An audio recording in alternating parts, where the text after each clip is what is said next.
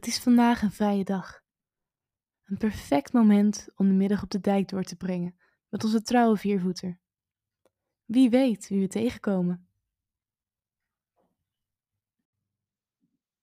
Welkom bij Slaapverhalen voor Volwassenen. Een serie korte verhalen die je helpt tot rust te komen en gemakkelijker in slaap te vallen. In elk verhaal neem ik je mee in een situatie waar je volledig kunt ontspannen. Er komen geen plot twists of spannende ontknopingen, maar rustgevende situatieschetsen. Probeer de verhalen te visualiseren. Zo voorkom je dat je gaat piekeren. Neem voordat we beginnen de tijd om lekker te gaan liggen of zitten. Haal een paar keer diep adem en observeer je eigen lichaam zonder waardeoordeel. Scan in gedachten van je tenen tot het puntje van je kruin. Waar houd je nog spanning vast en kun je misschien meer loslaten? Breng nu je focus terug naar mijn stem. Je hoeft nu alleen nog maar te luisteren. Laten we beginnen. Een zondag op de dijk.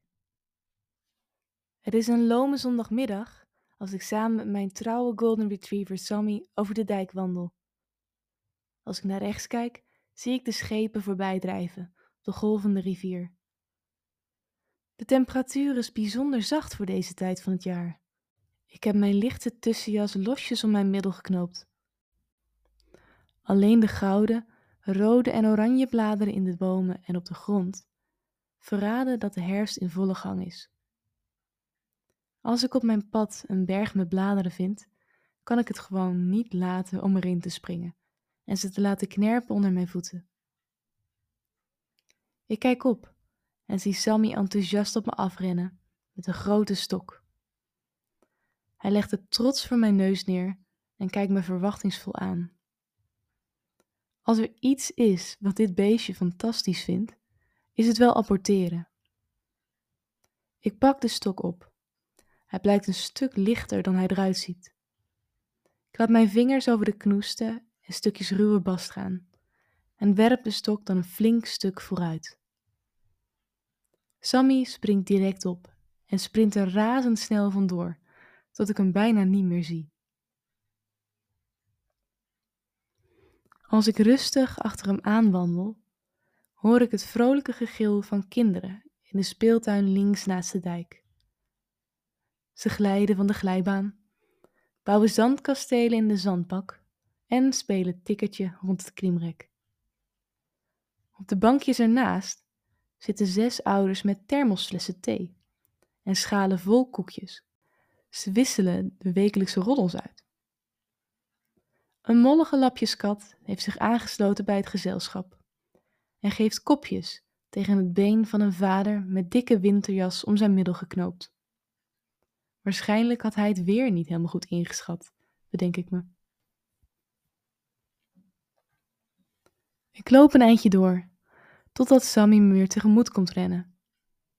Hij heeft de stok achtergelaten en loopt nu trots met een beeldje van een kleine kabouter rond.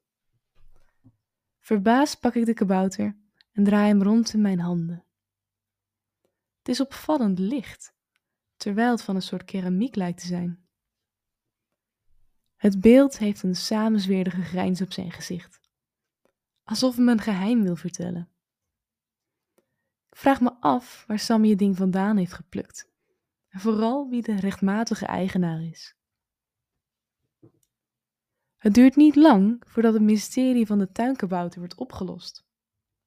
Er komt een lange, dunne man met bezweet voorhoofd op me afrennen. Hij draagt een rode tuinbroek en blauw overhemd, vol met moddervlekken. Als hij de kabouter in mijn handen ziet, begint hij bijna overdreven opgelucht te schaterlachen. U heeft mijn kabouter gevonden, roept hij. Ik was al bang dat ik hem nooit meer terug zou zien. Ik heb hem nog van mijn overgrootmoeder gekregen, ziet u. Hij hield trouw de wacht bij haar voordeur en verwelkomde iedere bezoeker met zijn gulle lach. We nemen afscheid en met Sammy naast me vervolg ik mijn weg over de dijk. Het is langzaam avond geworden en de horizon begint dezelfde kleuren aan te nemen als de bladeren. Als we bijna aan het einde van de dijk aankomen, besluit ik toch nog even te gaan zitten op mijn favoriete bankje met uitzicht op de rivier. Het is een beetje verweerd en een van de balken zakt een klein beetje door, maar toch is het perfect. Er is in de wijde omtrek geen betere plek om naar de rivier te kijken dan hier. Ik pluk een graspluim en rol hem door mijn vingers tot de plukjes loslaten. Ik slaak een diepe zucht en met Sammy aan mijn voeten kijk ik mijn gedachten verzonken toe hoe de zon in het water zakt. Dit was Slaapverhalen voor Volwassenen. Bedankt voor het luisteren en slaap lekker.